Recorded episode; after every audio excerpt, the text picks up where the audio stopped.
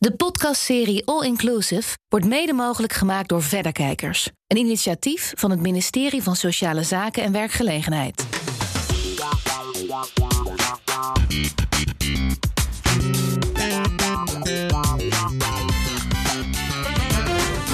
Ik ben Diana Matroos en in deze podcast All Inclusive praat ik met mijn gasten over diversiteit en inclusiviteit. Gaat om verschillende zaken. Denk aan gender, LHBTI, leeftijd, cultureel en mensen met een beperking. En met welke vraagstukken worstelen werkgevers en werknemers? En wat natuurlijk heel erg belangrijk is, we praten ook altijd over de oplossing. Ik heb twee heel bijzondere gasten, want we hebben al een hele serie gehad met afleveringen. Met allemaal experts, maar uiteindelijk is het de ondernemer of de CEO of de manager die hiermee aan de slag moet. En in deze aflevering zijn Herna Verhagen en Ad van Gils te gast. Herna is de CEO van PostNL en Ad is de bestuursvoorzitter van PwC. En dan noem je quota. Ja, dat zie je heel veel. Moeten we dat dan ook hier doen? Ik vind dat als er niet voldoende snelheid komt, hè, dan zeg ik uh, ja, dan moet je op een gegeven moment naartoe. Nou ja, quota vind ik geen fijn woord, maar ik ben wel voor uh, kwantitatieve doelstellingen. Omdat ik gemerkt heb binnen onze organisatie dat met het juiste verhaal erbij, dat dat werkt. Beide van harte welkom dat jullie er zijn. Als ik zeg uh, diversiteit, wat is het eerste waar je aan moet denken? mannen, vrouwen. Uh, multiculturele diversiteit. Die twee, dat zijn eigenlijk de eerste twee. En daarna komen degenen die je ook in je inleiding al noemde. Hè? Dus dan is er natuurlijk nog heel veel meer als het gaat om diversiteit. En waarom zijn die twee het belangrijkst? Uh, ik denk omdat, omdat daar heel veel aandacht naar uitgaat. Om ervoor te zorgen dat je uiteindelijk ook als bedrijf een afspiegeling bent van de samenleving. En hoe is dat voor jou, Ad? Mijn, mijn eerste reactie zou zijn uh, heel belangrijk, uh, maar tegelijkertijd ook heel moeilijk. En daarom uh, is het uh, zaak dat we het met elkaar over hebben en proberen de dingen beter te doen. Dat is heel fijn dat we dat vandaag kunnen doen. Je geeft aan, het is, het is belangrijk, maar het is ook moeilijk. Ik zou uiteindelijk moeten jullie als CEO, als bestuursvoorzitter daar een, ja, een draai aan geven. Wat is het allermoeilijkste? Nou, het, gaat over mensen. En het gaat over hoe je met elkaar omgaat en hoe je met elkaar om wil gaan. Uh, uh, hoe je respect hebt voor elkaar en hoe je zorgt dat iedereen ertoe doet en uh, zijn bijdrage kan leveren aan het succes. En omdat het over mensen gaat, vinden mensen het ook moeilijk. En uh, is het, gaat het verder dan nou ja, zakelijke aspecten waar het veel vaker over gaat, die verder afstaan van, uh, van mensen. Dit is heel dichtbij en ik denk dat het daarom moeilijk is. Voel jij dat ook zo, Herna? Is het heel dichtbij? Het is, uh, het is sowieso heel dichtbij, maar het is ook heel dichtbij omdat je het heel belangrijk vindt. Hè? Dus dat, dat hangt met elkaar samen. En ik denk dat je daar gewoon veel aandacht aan moet besteden. Dus het vraagt, hè, als je dan praat over uh, CEO's of directeuren of ondernemers. Als je het een thema maakt en er zelf aandacht aan besteedt, kun je ook heel veel bereiken. Dus dat is wat mij betreft cruciaal. Als ik nou even aan jullie vraag, gewoon heel persoonlijk, want ik weet dat jullie allebei zeer gemotiveerd zijn uh, op dit onderwerp en je vaak ook inzetten als het gaat om speciale bijeenkomsten, om dit elke keer maar weer te agenderen, ook in interviews. Waar is die persoonlijke drive, waar zit die bij jou, Herna? Ja, toch, uh, die begint eigenlijk al als ik terugdenk gewoon aan uh, mijn leven, hè, de afgelopen 50 jaar of ruim 50 jaar, dan denk ik van ik heb gewoon heel veel kansen gekregen. Omdat ik mensen ben tegengekomen, te beginnen met mijn ouders, die mij altijd hebben behandeld als gelijke. En die mij altijd de mogelijkheid hebben gegeven om te groeien, te leren, uh, fouten te maken, op te vangen, enzovoorts, enzovoorts, enzovoorts. Maar ik ben er ook wel achter gekomen in mijn leven dat die gelijkheid en gelijkwaardigheid echt niet voor iedereen een gegeven is. Uh, en dat, dat is eigenlijk mijn allerbelangrijkste drijfveer. Dat ik gewoon hoop, denk, hoop, nee, hoop eigenlijk dat we werk, maar ook uiteindelijk een samenleving kunnen creëren waarin nog veel meer gelijkheid en gelijkwaardigheid is dan er nu is. Kan je een moment herinneren dat dit ontstond voor jou? Want jij, eh, nou, je ouders hebben jij heel geholpen om te ontwikkelen, om te ontplooien, om die gelijke kansen te krijgen. Maar je zegt ook, ik weet dat de samenleving niet zo in elkaar zit. Ja, omdat je het toch gewoon al op school mensen tegenkomt. En uiteindelijk ook op de middelbare school, op de universiteit. En ook zeker als je gaat werken, kom je mensen tegen die een hele uh, andere achtergrond hebben. En die een heel ander verhaal vertellen over hun jeugd en over hun kansen die ze hebben gehad. En uh, hoe ze ervoor hebben moeten werken om te komen waar ze gekomen zijn. Dus je leert, ik heb het heel erg geleerd, gewoon in het contact met anderen. Dat datgene waar je als jong kindje denkt, ja, zo is het, dat het zo helemaal niet is bij iedereen. Heb jij ook zoiets, Ad? Nou, ik, weet je wat de Herna zegt over gelijkwaardigheid? Natuurlijk. Uh, en natuurlijk willen we allemaal het goede doen voor elkaar uh, en voor de collega's en voor iedereen in de samenleving. Maar er is wel ook iets bijgekomen uh, um, als je aan het werk bent en als je aan het werk gaat en als je doorgoed in een organisatie en andere verantwoordelijkheden krijgt. En dat gaat ook over nou ja, samen succesvol zijn en samen dingen bereiken. En daarmee uh, is het voor mij ook uh, onderdeel geworden van, uh, nou ja, in mijn geval, het PwC-verhaal. Ja. en kan je vanuit je rol nu als bestuursvoorzitter ook mensen vanuit zakelijke overwegingen betrekken en succesvol maken. En daarmee, um, en dat, dat, is misschien een beetje een raar woord, maar wordt het ook een business case. Dus ja, we willen allemaal het goede doen voor elkaar, maar tegelijkertijd mogen we ook best wel benoemen, denk ik, dat we. Het is een economische win. Uh, dat het een economische win is en daarmee uh, we ook iets anders bereiken. En, en, en, denk je dan aan een bepaalde groep waarvan je zegt dat is een economische win? Ligt het accent op vrouwen of meer op cultureel? Of... Voor mij is het heel breed. en natuurlijk, we hebben het vaak over gender, we hebben het vaak over, steeds vaker over cultureel en ook collega's met een afstand tot de arbeidsmarkt. Maar het gaat veel verder. Het gaat ook over femininiteit en masculiniteit in de organisatie. Mensen, het, Nederlanders van de Nederlandse komaf, die andere keuzes maken in het leven. Waardoor carrières anders verlopen uh, en bijdragen in de organisatie met een andere impact uh, mogelijk zijn. Ook daar gaat het over. Dus het gaat eigenlijk, het gaat eigenlijk over iedereen. En dan ben ik toch benieuwd uh, bij jou, Ad, waar jouw persoonlijke drive zit. Want je noemt heel erg de business uh, case. En dat is ook heel interessant om het met jullie over te hebben. Maar uh, is er ook iets dat je jezelf bewust werd van diversiteit, een bepaald momentum dat je denkt, toen begon het voor mij te leven? Nou, ik. Ik heb niet een moment dat ik zeg van toen viel het kwartje. Ik denk dat het te maken, bij mij is het gegroeid met verantwoordelijkheden die ik heb gekregen binnen PwC. En me verantwoordelijk ben gaan voelen voor mensen. Um, uh, en toen ik uh, ging werken, uh, was je bezig met jezelf, je eigen ontwikkeling. Met name als je doorvoert, krijg je andere verantwoordelijkheden. En ben ik me verantwoordelijk gaan voelen voor het succes en het well-being van anderen. En daarmee is het besef gekomen. en dus niet privé, bijvoorbeeld een, een, een, vrouw die je kende in je omgeving of een partner die tegen bepaalde zaken aanliep. Dat je dacht, hé, hey, het is toch wel anders, bijvoorbeeld voor man als voor een vrouw. Nou ja, dat privé en het zakelijke, dat loopt allemaal door elkaar heen. Dus, maar nee, ik heb niet dat ene moment. Het is toch een beetje een proces geweest in mijn geval. Als we dan even kijken hoe, uh, hoe jullie vinden dat het nu uh, gaat. Als het gaat om diversiteit, inclusiviteit. Hoe gaat het? Ja, ik ben, ik ben een type van het glas half vol. Hè? Dus ik kijk daar toch wel met een wat positieve bril naar dan denk ik dat we uh, in de samenleving best wel progressie boeken. En dat je ook in het bedrijfsleven echt progressie ziet.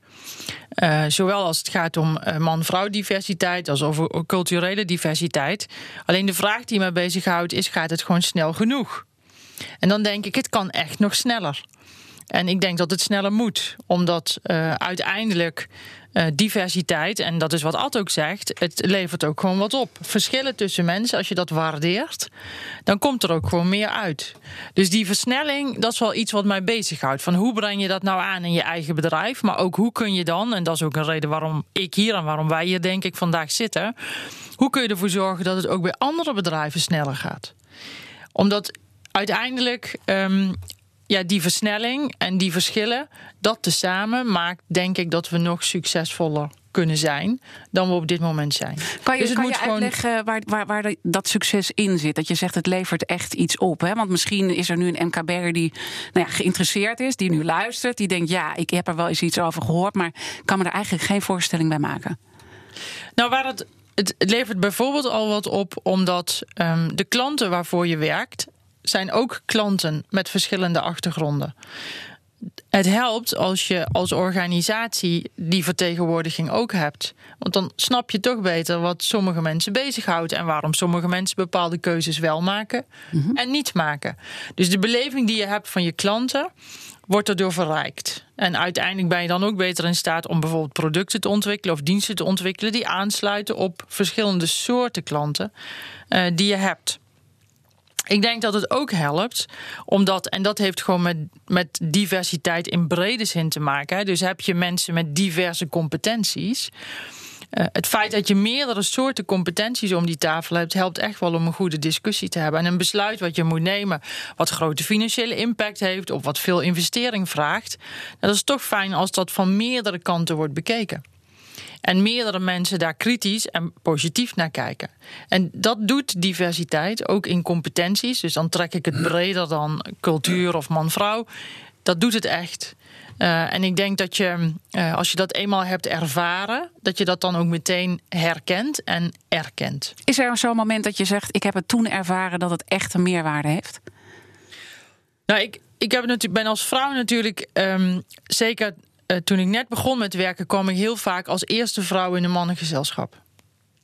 En dan merk je dat in eerste instantie uh, moeten mensen wennen. Want dan denken ze: kunnen we nog steeds dezelfde grapjes maken? Kunnen we nog steeds dezelfde discussies voeren? Op een gegeven moment dan ben je gewoon uh, weer onderdeel van het geheel.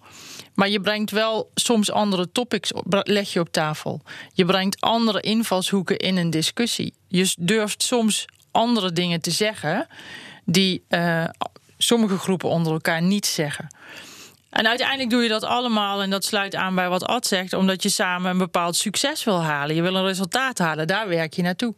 Maar die diversiteit, die zorgt er echt wel voor dat je ja, op verschillende manieren naar onderwerpen kijkt en er ook gewoon meer op tafel komt. Herken jij dat ongemak wat Herna aangeeft? Dat op het moment dat er een vrouw uh, binnenkomt, of misschien iemand met een andere culturele achtergrond, dat toch even is van: kunnen we die grap nog wel maken?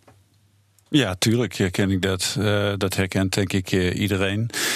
Um, en uh, uh, wat goed is, is dat je je bewust leert zijn van je gedrag. Daar gaat het uiteindelijk om. En uh, we hebben allemaal onze onbewuste vooroordelen. en um, nou, dan moeten we zorgen dat dat bewuste voor, vooroordelen worden en dat we er iets mee doen. Um, wat, ik, wat ik interessant vind is altijd niet alleen de inhoud. Met, met diverse perspectieven breng je inhoudelijk een ander, een ander blikveld. dat is heel waardevol. Maar het gaat ook om het proces.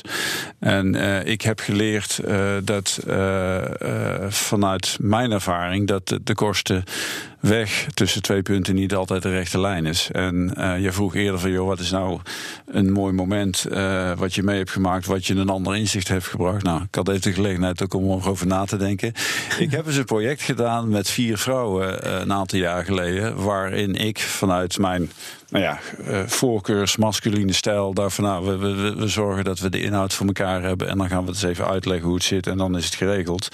Uh, daar ben ik fijntjes uh, op door de vier vrouwen. Dat ik mijn stakeholders goed moest meenemen. En dat het proces minimaal net zo belangrijk was als de inhoud. En uiteindelijk zijn we uh, uh, minder snel geweest, maar wel verder gekomen in de impact die we gemaakt hebben. En uh, dat heeft mij toen wel aan denken gezet en ik denk er nog regelmatig aan terug. Ik zie jou lachen, Herna. Ja, omdat, ja, omdat ik echt vind het gewoon een mooi voorbeeld. Um, maar omdat ik echt ook zie dat die diversiteit in brede zin dat is gewoon werkt. En als je het, dat is precies waarom ik zei, als je het eenmaal hebt ervaren, dan herken je het en erken je het. Dus je moet gewoon niet schromen om het te doen. En dan ga je het, ja, dan, dan komt die ervaring. Wat ik wel mooi vond, is wat je eerder zei: van hè, ik voel soms dan dat ongemak als ik binnenkom als vrouw. Hè. En uiteindelijk word ik onderdeel van het geheel. Er zijn ook vrouwen die daarover uh, over vertellen dat ze het moeilijk vinden om onderdeel te worden van dat geheel. Hoe lukt dat jou om dat te doen? Ja, als allerbelangrijkste is toch gewoon jezelf blijven. Uh, en, en trouw blijven aan je eigen normen en waarden. En datgene wat voor jou belangrijk is. Dat, ja, dat eigenlijk. En verder ben ik er nooit zo, heb ik er nooit zo heel veel bij stilgestaan. Gewoon jezelf zijn. Eigenlijk ja, zo ja. makkelijk uh, is ja. het. Um, oké, op een gegeven moment ga je dus. Ik hoor bij jullie heel duidelijk: ik heb een strategisch doel, die economische win, om een diverse workforce binnen te halen. Dat is eigenlijk wat jullie allebei zeggen, toch? Mm Zeker. Ja. Ja. Uh, ik heb eerder heb ik uh, uh, bij deze podcast heb ik de directeur van Women Inc. te gast gehad, Janet Fase, die zich heel erg met dit onderwerp bezighoudt. In eerste instantie vanuit vrouwen, maar ze is met veel meer zaken aan de slag gegaan. Dus ook bijvoorbeeld met culturele diversiteit. En zij zegt van het begint allemaal met die strategische doelen benoemen. Als je die niet helder hebt, begin er dan gewoon niet aan aan diversiteit. De volgende stap wordt cultureel leiderschap en zorgen ook dat je een cultuur creëert waar mensen zich veilig voelen, waarin zaken bespreekbaar zijn. Doe je dat? Uh, jazeker. Uh, uh, toen ik voorzitter werd, heb ik bewust de keuze gemaakt om uh, het diversiteitsthema naar de voorzitter te halen. om het daarmee centraal te stellen. Uh, in de strategie van de organisatie om een signaal te geven naar de collega's dat we uh, dat uh, tot chefzag bestempelen. Um, en daar gaat een enorme impact van onderuit vanuit die je niet moet onderschatten. Ehm, maar waar ik wel achter ben gekomen en die verantwoordelijkheid ben ik wel gaan voelen dat daarover praten dat dat niet genoeg is. in onze organisatie zijn we er best al lang mee bezig. We hebben er veel over gepraat. En dat is ook heel erg belangrijk, want dat, uh, dat brengt bewustwording en uh, de inzicht. Maar uh, vanuit mijn rol voel ik ook de verantwoordelijkheid om er iets aan te doen. En ik denk dat er veel meer zaken zijn die je eraan kan doen dan we ons realiseren. En zeker in een positie, in een leidinggevende positie als leiderschap. en daar hoef je geen CEO of bestuursvoorzitter te zijn om actie te ondernemen om voorbeeldgedrag te tonen en om uh, nou, te laten zien uh, uh, hoe je het beter kan doen. En ik denk dat we daar met elkaar best nog wel stappen kunnen zetten. Want wat, wat, wat zou je kunnen doen wat misschien nu nog onvoldoende gebeurt? Nou, ik, wat je een voorbeeld, mooi voorbeeld, uh, denk ik, is uh, wat we bij PwC gedaan hebben uh, rondom het bestuur. wij hebben vorig jaar een nieuw bestuur samengesteld. Ik als voorzitter met, met, met mijn teamleden gekozen. Um, en ik heb bewust, heel bewust gekozen voor drie vrouwen in mijn team. Niet omdat het vrouwen zijn, maar omdat ze kwaliteiten en eigenschappen brengen waarvan ik vind uh, dat we die nodig hebben om de komende jaren succesvol te zijn. Uh, en dat gaat over uh, nou ja, de, onze, sector waar wij in zitten als PwC met de maatschappelijke aandacht en de turbulentie. wij moeten de verbinding zoeken. We moeten zorgen dat we transparanter worden. We mogen wat kwetsbaarder zijn. allemaal eigenschappen die je, nou ja, gemiddeld genomen qua femininiteit meer in vrouwen vindt dan in mannen. Dus dat is een strategische keuze. Uh, en dat leidt tot uh, nou ja, uiteindelijk de onderbouwing van waarom, voor je, waarom je voor drie vrouwen kiest. Want dat is wel heel erg belangrijk. Op het moment dat je drie vrouwen in mijn geval op die positie zet en je legt niet uit waarom, dan loop je het risico dat het uh, symbool als symboolpolitiek wordt ervaren. En dan is het misschien wel schadelijker dan dat het helpt, omdat dan. Dan worden ze gezien als de excuus. Dan worden ze gezien als de token women. Ja. Dus het verhaal wat je erbij vertelt de analyse van wat je als organisatie nodig hebt en waarom de kwaliteiten van die collega's daarop passen, dat is wel cruciaal om het goed te laten landen. Leg jij het ook uit waarom je dingen doet? Rondom diversiteit? Ja. Nee. Nee. Interessant, ik hoor hier een verschil. Ja, nu, nu is natuurlijk een, een bedrijf als PostNL met 50.000 medewerkers in vergelijking met PwC is natuurlijk wel een ander bedrijf ook. Hè? Dus je moet denk ik wel uh, die verschillen dan onderkennen. Ik denk dat uh, wat, belangrijk, wat ik belangrijk vind, is dat je probeert zoveel mogelijk een afspiegeling te zijn in je senior management van datgene uh, wat je gewoon ziet in ons bedrijf. En dat vraagt aandacht. Dus dat vertel ik wel. Dus dat zeg ik wel van. Ik denk dat dat belangrijk is. Daar moet je aandacht aan besteden, want dat gebeurt niet vanzelf. Dus verandering komt niet vanzelf. Dat vraagt elke dag aandacht. En dat is, uh, dat is ook hoe we die verandering in gang hebben gezet. Dus we hebben op een gegeven moment gewoon gezegd van alle vacatures boven een bepaald, uh, boven een bepaald niveau komen in uh, de executive committee. En dan gaan we kijken van staan er inderdaad vrouwen op de lijst? Staan er mensen met een andere culturele achtergrond op de lijst? Maken we voortgang in het percentage enzovoort enzovoort enzovoort. Dus dat is waar we echt naar kijken. En het zijn met name de hele praktische maatregelen die we hebben genomen, die uiteindelijk maken dat we in de top van ons bedrijf nu uh, bijna 45% vrouwen hebben zitten. Um, en op multiculturele achtergrond zijn we nog niet zo ver, dus daar zijn we heel hard uh, aan, aan het werken. Daarnaast, en dat is uh, wat bij ons ook heel belangrijk is, omdat je zoveel mensen hebt en er werkvloeren zijn waar we echt met 50, 60 nationaliteiten werken is het wel belangrijk dat je de mensen die daar werken uitrust met voldoende tools of ja, gereedschap om dat te kunnen. Want diversiteit vraagt ook wat van je. Hè? Dus het, is, het levert heel veel op, maar het vraagt ook wat. Wat vraagt dat van je? Nou, het vraagt dat je die verschillen die er gewoon van nature dan zijn tussen mensen wel met elkaar weet te verbinden. Uh, en dat verbindende element, daar heb je wel. Uh, sommigen kunnen dat van nature heel goed. En anderen kun je daar eens een beetje bij helpen. Dus heb je een voorbeeld? Want dat is mooi, denk ik, als het een beetje tot leven komt. En dat, we komen nu ook eigenlijk tot het punt van de weerstanden. Hè? Want je doet zoiets vanuit een strategisch doel. Het is goed voor mijn bedrijf. En dan ga je dat in gang zetten. En je benoemt een aantal mensen. Maar uiteindelijk kom je ook weerstanden tegen in je bedrijf. Wat zijn die voorbeelden? Nou, wij hebben dat, wij hebben dat omgezet in een, in een uh, training die wij multicultureel vakmanschap noemen. En dat betekent dat um, eigenlijk alle leidinggevenden en uh, mensen die op planfuncties en dergelijke zitten, hebben doorlopen zo'n training. Wat je daar bijvoorbeeld in leert, dat is iets heel simpels, is van wat zijn nu de feestdagen van de vier of vijf grote geloven van deze wereld? En wat is het belang van die feestdagen? Kijk, iedere Nederlander snapt het belang van de eerste kerstdag. Maar snappen wij ook allemaal het belang van suikerfeest? Of de feesten die je in de andere geloven kent? En hoe ga je daar dan mee om?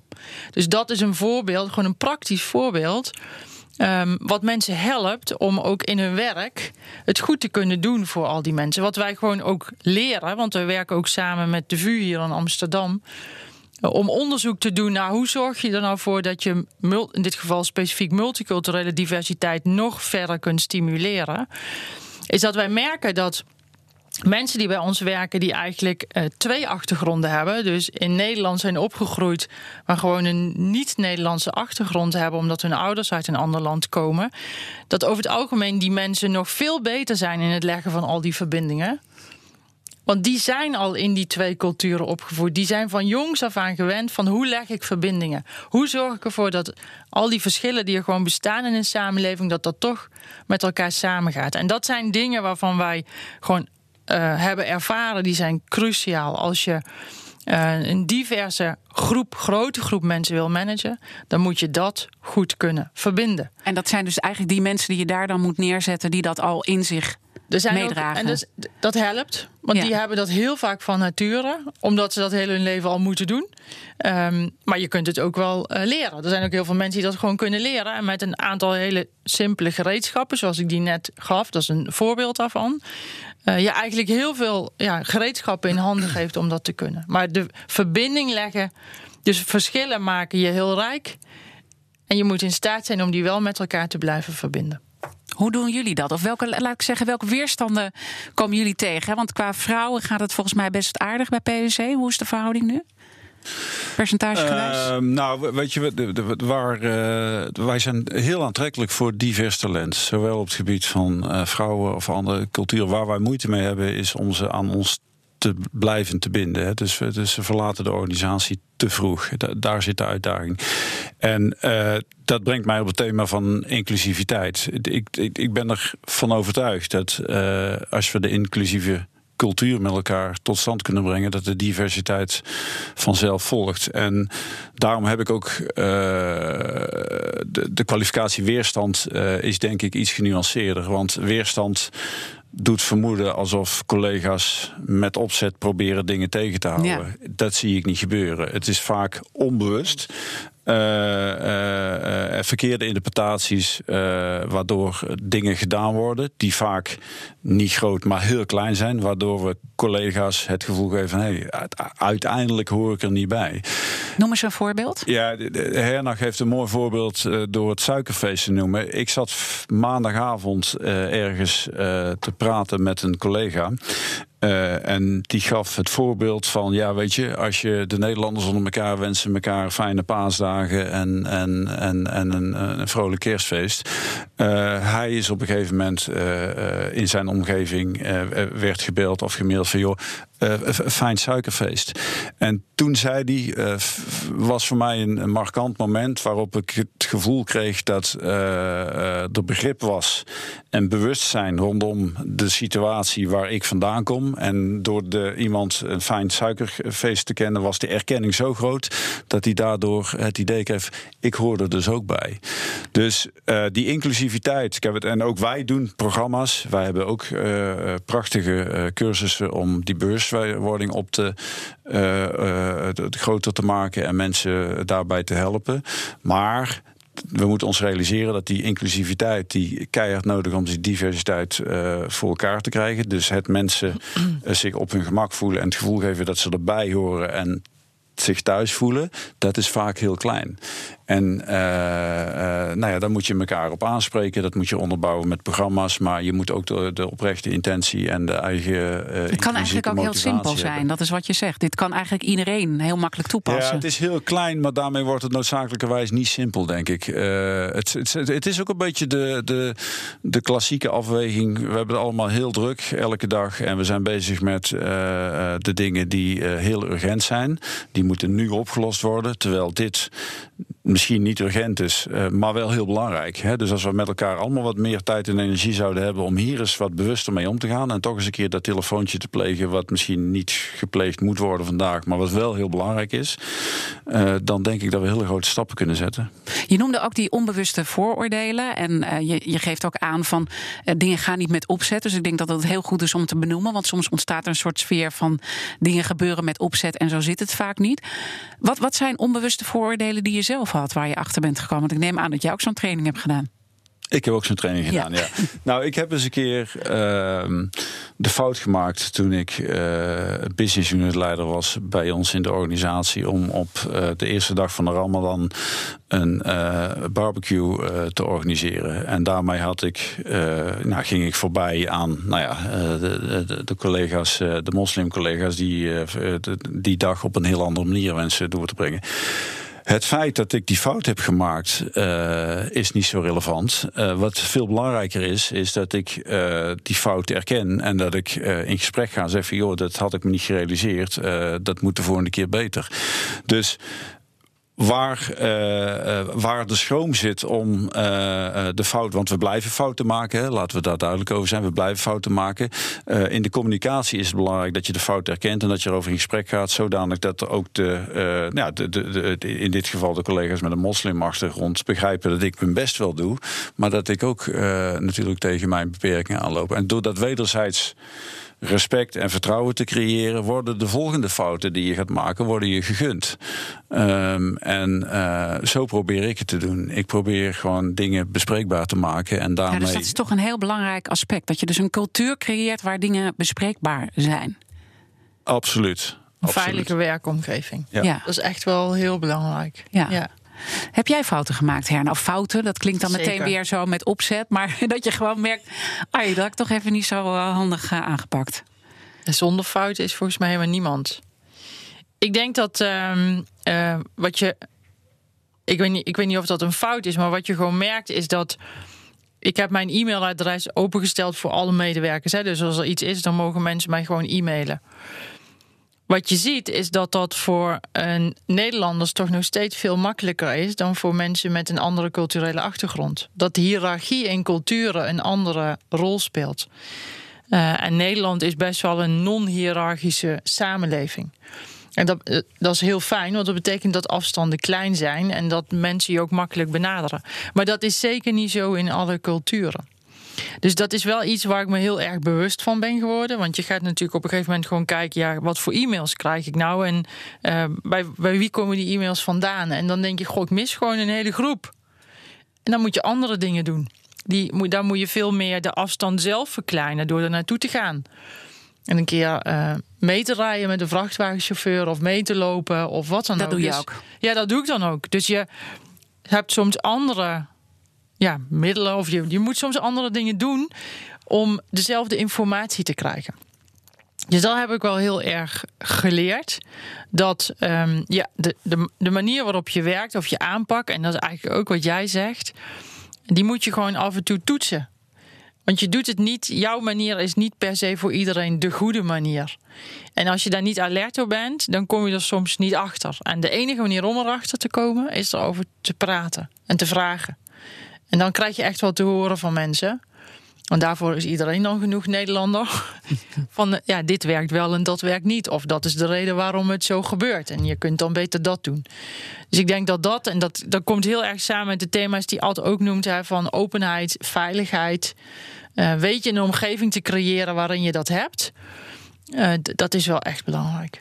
En als jij gaf aan van uh, eigenlijk doen we wel goed als het gaat om het aantrekken van mensen, maar onze uitdaging zit er nu in om die mensen ook te behouden. Hè? Dus van die andere groepen die je wil betrekken bij je bedrijf, om te zorgen dat je echt inclusief bent. Hoe komt het dat mensen dan toch vertrekken? Uh, ik denk omdat we uh, te weinig rolmodellen nog hebben. Uh, kijk, wij zijn een partnergeleide organisatie. Bij ons zijn de partners de rolmodellen.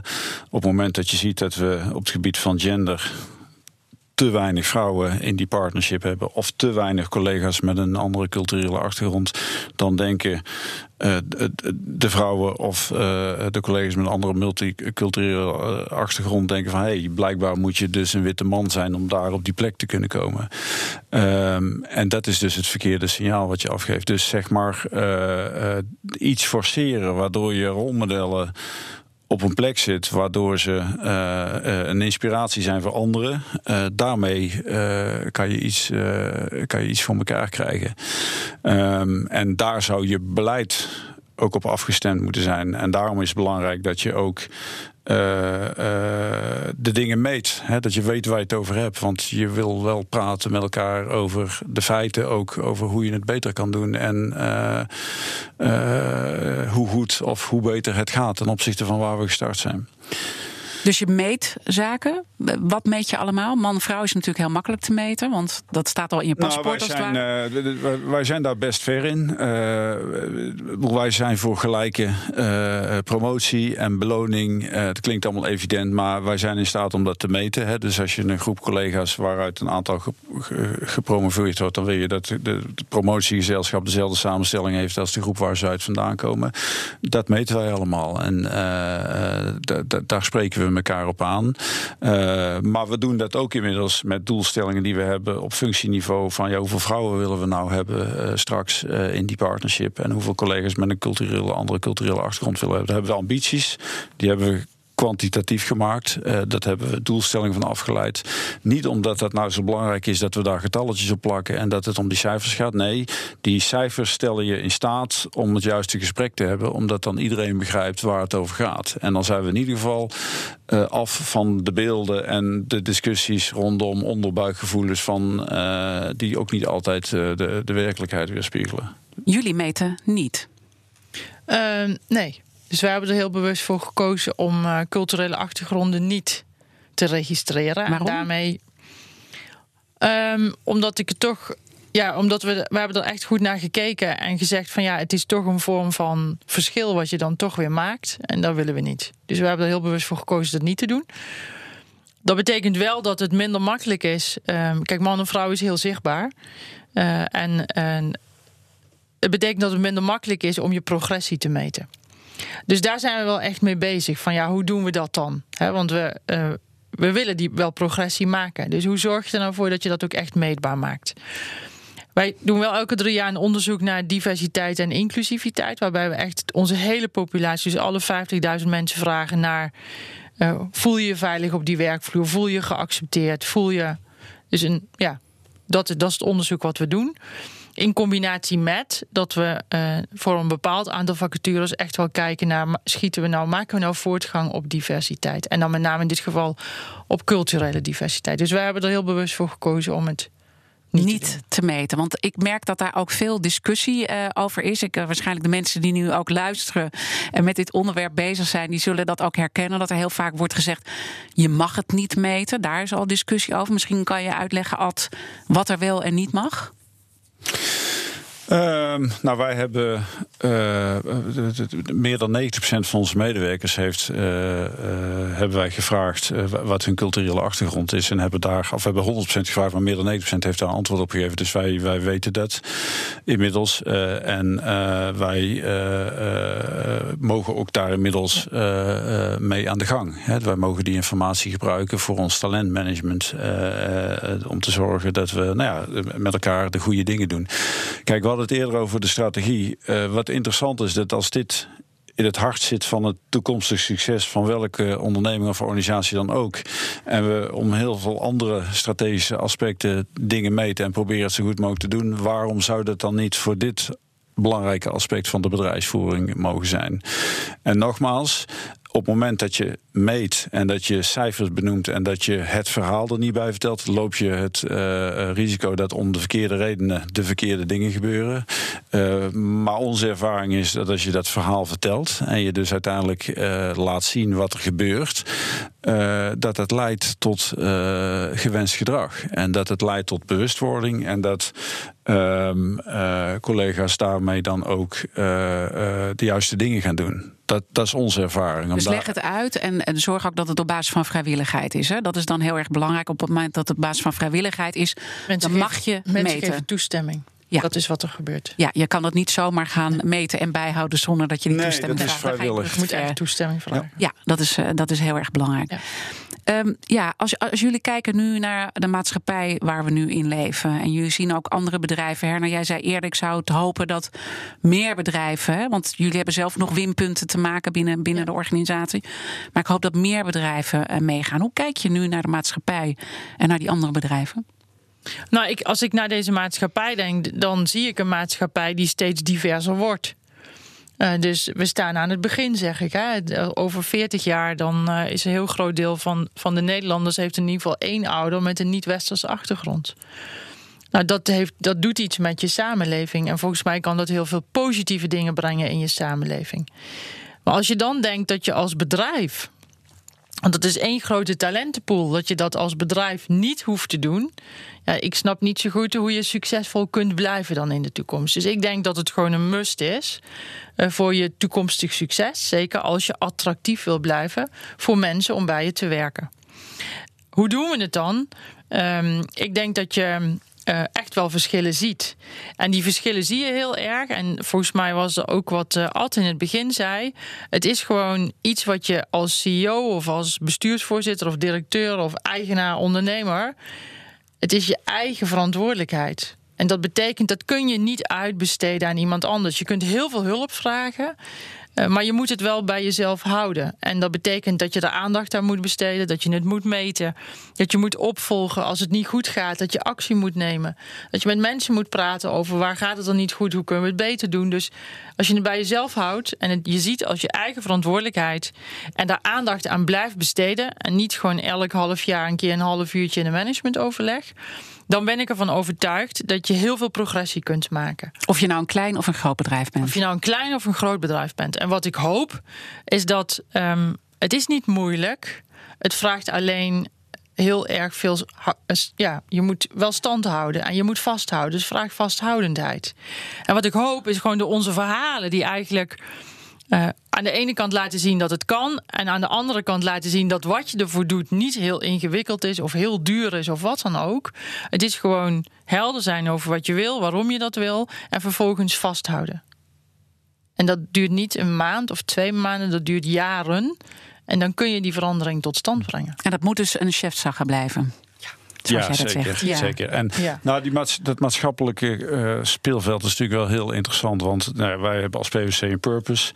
Uh, een van die elementen van die purpose is dat wij bijdrage willen leveren aan het uh, vertrouwen in de maatschappij. Um, dat is best ingewikkeld als je zelf niet midden in die maatschappij staat en daar een afspiegeling van bent. Dus voor ons is het uh, uh, heel erg logisch dat we dit doen. Uh, tegelijkertijd, en, en dat is ook relevant voor de relatie richting die maatschappij, ook in lijn met wat Herna zegt, we moeten wel zorgen dat we ook realistisch zijn in wat we met elkaar kunnen bereiken. Hè. Dus doelstellingen uh, neerleggen binnen een organisatie waarbij we dit wel eens even zullen oplossen en dat veel beter in staat zijn te doen dan de maatschappij zelf, is natuurlijk niet realistisch. En als je niet realistische doelen stelt, dan haken je collega's en je medewerkers ook uh, uh, af. Dus uh, onze maatschappij wordt inderdaad steeds diverser. We hebben best moeite met inclusiviteit als Nederlandse samenleving. Daar moeten we het allemaal beter met elkaar doen. dat geldt dus ook voor PwC. Maar wij moeten wel zorgen dat we niet een onrealistische doelstelling hebben dat wij dat beter kunnen dan de maatschappij. Dus dan moet ook wel iets van connectie met die maatschappij blijven, zodat we uh, ook daar midden uh, in blijven staan. Ja, want daar zie je natuurlijk wel in de maatschappij zie je de nodige problemen waar juist groepen tegenover elkaar meer staan dan misschien een aantal jaar terug. Exact. En uh, nou ja, dat is dan toch een beetje de maatschappelijke rol van organisaties uh, zoals PostNL en, en PwC, dat wij met onze omvang en impact verbinding kunnen maken door te laten zien dat je in onze organisaties diversiteit laat werken. Doordat je mensen aan elkaar verbindt en samen laat werken aan een gemeenschappelijk succes. In de eerste aflevering van All Inclusive had ik Kim Putters, directeur van het Sociaal Cultureel Planbureau, uh, te gast. En hij maakte ook een vergelijking uh, internationaal, waar we het internationaal echt op een aantal punten gezien nog niet zo goed doen als het uh, om diversiteit gaat. Um, jullie komen ook veel in het buitenland. zakelijk heb je daar veel mee te maken. Zie je dat bedrijven in het buitenland dat beter doen en het ook gaan afdwingen van Nederlandse bedrijven? Ik zie nog niet dat het wordt afgedwongen. Dat zie ik niet. Ik zie uh, wel dat uh, in sommige buitenlanden het beter is. En soms hangt dat samen met quota. Dus dat er echt quota zijn. In Amerika gaan ze daar vrij ver in. Want daar zitten ze niet alleen op man-vrouw, maar ook gewoon op culturele achtergrond. In Europa heb je meerdere landen waar het echt op man-vrouw verhoudingen zit. Ik denk aan de andere kant ook dat wil je verandering brengen, moet je er ook voor zorgen dat je niet alleen kijkt naar de top van een bedrijf, maar dat je ervoor zorgt dat je in, door je hele bedrijf heen die afspiegeling bent. Want uiteindelijk krijg je alleen maar in de top voldoende mensen als je er aandacht aan hebt besteed. In, in alle jaren dat die mensen naar die top toe groeien. Dus, dus ik vind niet dat het uh, hoog op de agenda staat in de zin dat ze ons ter verantwoording roepen in het buitenland van waarom is dat zo in Nederland? Ik zie echt verschillen. Dus dat in sommige buitenlanden het echt wel verder is dan in Nederland. Uh, ik zie alleen ook dat de, de, de middelen die de overheid in die landen soms gebruikt anders zijn dan in Nederland. Dat zie ik ook. En dan noem je quota? Ja, dat zie je heel veel. Moeten we dat dan ook hier doen? Ik vind dat als er niet voldoende snelheid komt, hè, want dat was mijn uh, opmerking bij dat glas half vol, dan zeg ik uh, ja, dan moet je op een gegeven moment naartoe. Want dat brengt dan meer snelheid. En ben je daarin veranderd? Ja, de zeker. De, en dat is gewoon, uh, ik ben daar zeker in veranderd. En dat komt ook omdat uh, ik zie dat er heel veel gebeurt. Maar ik soms ook zie dat het toch, dat, dat het toch sneller moet. En als dat dan niet vanzelf gaat, ja, dan moet je op een gegeven moment een handje helpen. Nou ja, quota vind ik geen fijn woord, maar ik ben wel voor uh, kwantitatieve doelstellingen. Omdat ik gemerkt heb binnen onze organisatie dat met het juiste verhaal erbij, met het juiste verhaal erbij, dat dat werkt. Uh, en dat, uh, dat helpt om toch een soort van doorbraak te forceren, om te zorgen dat we een versnelling aanbrengen. En, ehm, en dat praten dus niet uh, alleen, praten alleen dus niet uh, goed genoeg is. Maar er zit ook een bepaalde vrijblijvendheid in. En als we dus nu internationaal zien dat daar betere resultaten worden gehaald door quota. En we nu eigenlijk al heel lang over dit onderwerp praten, moet je dan niet uiteindelijk een ander middel gaan inzetten? Ja, dus eh, nou ja, het is maar hoe, welke naam je het beestje geeft. Maar ik zou dat uh, voorstander van zijn. Dat we dat in Nederland breder op die manier uh, Toch gaan wel, doen. ook al is het geen fijn woord. Ook al is het geen fijn woord. Uh, kijk, in de internationale context, um, inderdaad, wat Herna zegt, dat zie je ook in onze omgeving. Er zijn landen, bijvoorbeeld Anglo-Saxische landen, waar bijvoorbeeld uh, in hogere managementlagen de arbeidsparticipatie van de vrouw hoger is. Ja, als je mij nou vraagt waarom dat nou anders is dan in Nederland, dan overvraag je me. Maar dat heeft te maken natuurlijk met een, een, een andere culturele achtergrond elk land heeft zijn eigen verhaal. En daarom is het ook logisch dat in elk land de cijfers anders zijn dan ze zijn. Ehm, eh, maar dat wil niet zeggen dat je niet over de grens heen, en zo doen we dat ook in het PwC-netwerk, uh, uh, practices uitwisselt waar je van elkaar kan leren. Maar over de grens heen elkaar de maat nemen, onder andere op kwantitatieve doelen, is heel ingewikkeld. Is er nog iets wat we missen? Want we hebben zoveel zaken uh, besproken. Maar misschien is er nog iets bij jullie waarvan jullie zeggen. dat moeten echte luisteraars nog even weten als ze met dit onderwerp aan de slag gaan. Ja, ik, ehm, je moet wel een beetje lef hebben. Ook um, uh, ben ik achtergekomen. Want uh, uh, je hebt ook best heel veel redenen om bepaalde stappen niet te zetten. dus een beetje. Ik denk dat je van posities waar wij dan in zitten. mag verwachten dat we dat lef hebben om een stap te zetten. waarvan wellicht de eerste reactie is van. Hé, jeetje, waarom is dat nou? Maar als je het dan uitlegt, een goede verhaal. en het werkt daarna, zie je dat je een enorme impact hebt. Maar je hebt wel uh, de professionele en bestuurlijke uh, lef bij tijd en wijle nodig om dat te doen. Dus dat zou ik uh, alle leiders die luisteren wel willen toewensen en toedichten, want dat hoort ook bij leiderschap. Lef tonen. Ja.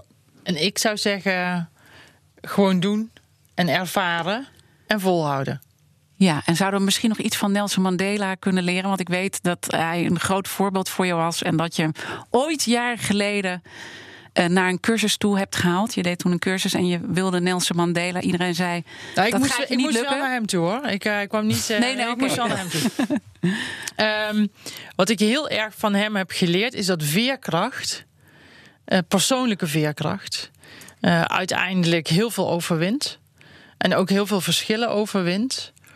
En dat dat maakt. Uh, en dat een, een doel hebben. En hij had als doel natuurlijk gewoon een beter Zuid-Afrika. Dat dat ook heel veel verschillen overwint. Dus de persoonlijke kracht die hij had. Um, is volgens mij heel erg bepalend geweest voor het feit dat hij heeft kunnen doen wat hij heeft gedaan. En dat als je dat terugvertaalt naar gewoon doen en volhouden. Uh, je zult zeker setbacks krijgen als je start, als je hiermee start of als je het verder intensiveert. Maar gewoon, gewoon doorgaan. Gewoon doorgaan. Ja, ja ik, ik probeer dingen altijd uh, klein te houden en simpel te maken zodat je ze vast kan pakken. Um, uh, en weet je, de, de, cursussen en programma's zijn heel belangrijk voor bewustwording. Maar ik denk wel eens van joh, gaat dit niet over ook hoe we elkaar uh, behandelen uh, zoals we zelf behandeld zouden willen worden. Uh, en dan kom je ook een heel eind. Um, dus wat dat betreft moeten we de dingetjes ook op onszelf betrekken. En niet op anderen. en het naar onszelf toetrekken. En daarmee ook wellicht de drempel iets verlagen om het gewoon te gaan doen. Net wat Herna zegt. En hij zei één ding toen ik wegging. Toen zei hij: The future belongs to those who believe in their dreams. So believe in your own dreams. Kijk, dat is wat hij zei. Ik denk dat dit een, uh, een mooi statement is om deze podcast mee te besluiten. Want uh, jullie maakten deel uit van de laatste aflevering van de podcast van All Inclusive. Maar je weet nooit wat er gebeurt. Hè. Misschien komt er nog een vervolg. In ieder geval ging deze podcast over diversiteit en inclusiviteit. En heb je nou alleen deze aflevering gehoord en denk je, ik wil toch even helemaal bij het begin beginnen met Kim Putters en daarna met een expert over onbewuste vooroordelen en ga zo maar door. Check dan vooral de site, app, iTunes of Mijn gasten van vandaag waren de CEO van PostNL, Erna Verhagen, en de bestuursvoorzitter van PwC, Ad van Geels. Heel erg dank. Mijn naam is Diana Matroos en dank voor het luisteren. De podcastserie All Inclusive wordt mede mogelijk gemaakt door Verderkijkers, een initiatief van het ministerie van Sociale Zaken en Werkgelegenheid.